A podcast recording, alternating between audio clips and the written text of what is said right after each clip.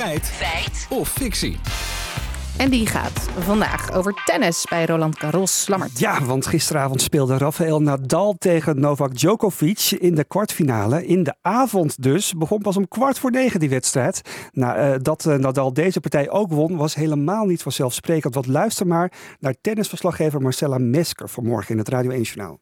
De stuit van zijn spinballen is dan lager. Moeilijkheidsfactor. Oh, hoe komt dat? Maar kun, je, ja, kun je dat uitleggen? Ja, die lasso voorhand van hem met die sterke greep op zijn racket. Daar heeft hij enorme spin. En die bal die stuit dan 2, 3 meter op. Als het zonnig is, dan speelt de baan gewoon sneller. Ah. S'avonds is het vochtiger, is de baan trager. Ja, dat scheelt een halve meter in de stuit.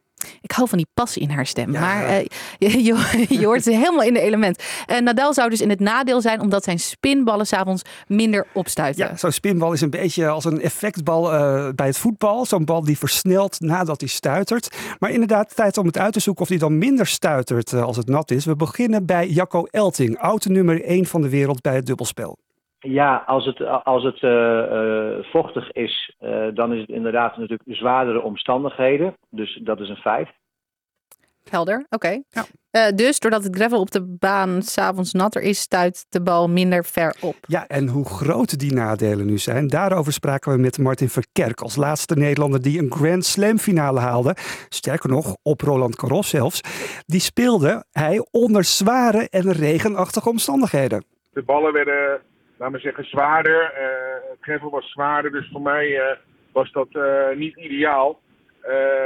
De, die dagen daarvoor dat ik alle partijen speelde, was het 26 tot 28 graden met zon. En ja, dan kwam die service en die spinslagen inderdaad meer door.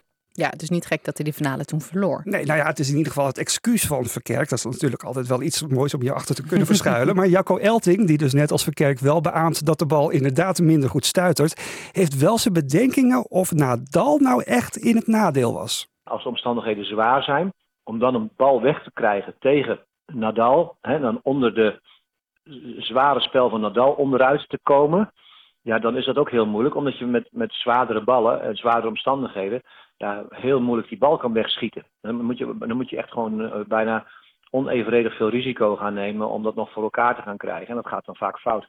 Dus niet zo veranderlijk als tennis. Nee, nee inderdaad. En als een tennisbal ook. Ja, beide spelers moeten toch onder dezelfde omstandigheden tennissen. Maar goed, de meningen zijn wel verdeeld. Verkerk ziet het namelijk weer net iets anders. Hij schetst het ideale scenario voor Nadal.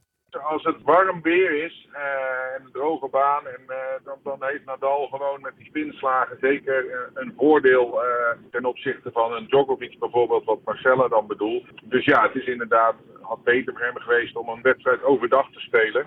Ja, maar goed, ik denk dan ook, ideale scenario's zijn er nooit in de topsport, toch? Inderdaad, wijze woorden. Ja, en nu Nadal dit heeft overleefd, ziet Verkerk hem ook als de topfavoriet voor de winst in Parijs zie hem ook voor de komende wedstrijden. Zeker als je de, andere deel van het schema ziet. Dus als hij als die zwerf overleeft, dan zie ik hem wel uh, uh, Roland Garros winnen. Ja, dus overleven en winnen, moet ik daar dan op inzetten? Ja, kun je doen. Je krijgt voor elke euro die je daarop inzet anderhalve euro terug. Ter vergelijking, de tweede favoriet is die Zverev, maar daar krijg je 5,50 euro voor terug. Oké. Okay. Ja, maar goed, tip, ja, ja, ja, ik ja. zit alweer te rekenen. Uh, maar Lambert, even terug naar het begin. Uh, goed, ik moet het goed zeggen. Stuitert de tennisbal minder goed als het s'avonds is? Is dat feit of fictie? Ja, dat is toch wel een feit. Afhankelijk van de zwaarte van de bal en van de weersomstandigheden verschilt het effect van zo'n stuiterbal absoluut. Dus Marcella zat helemaal gelijk. Ja, gelukkig maar.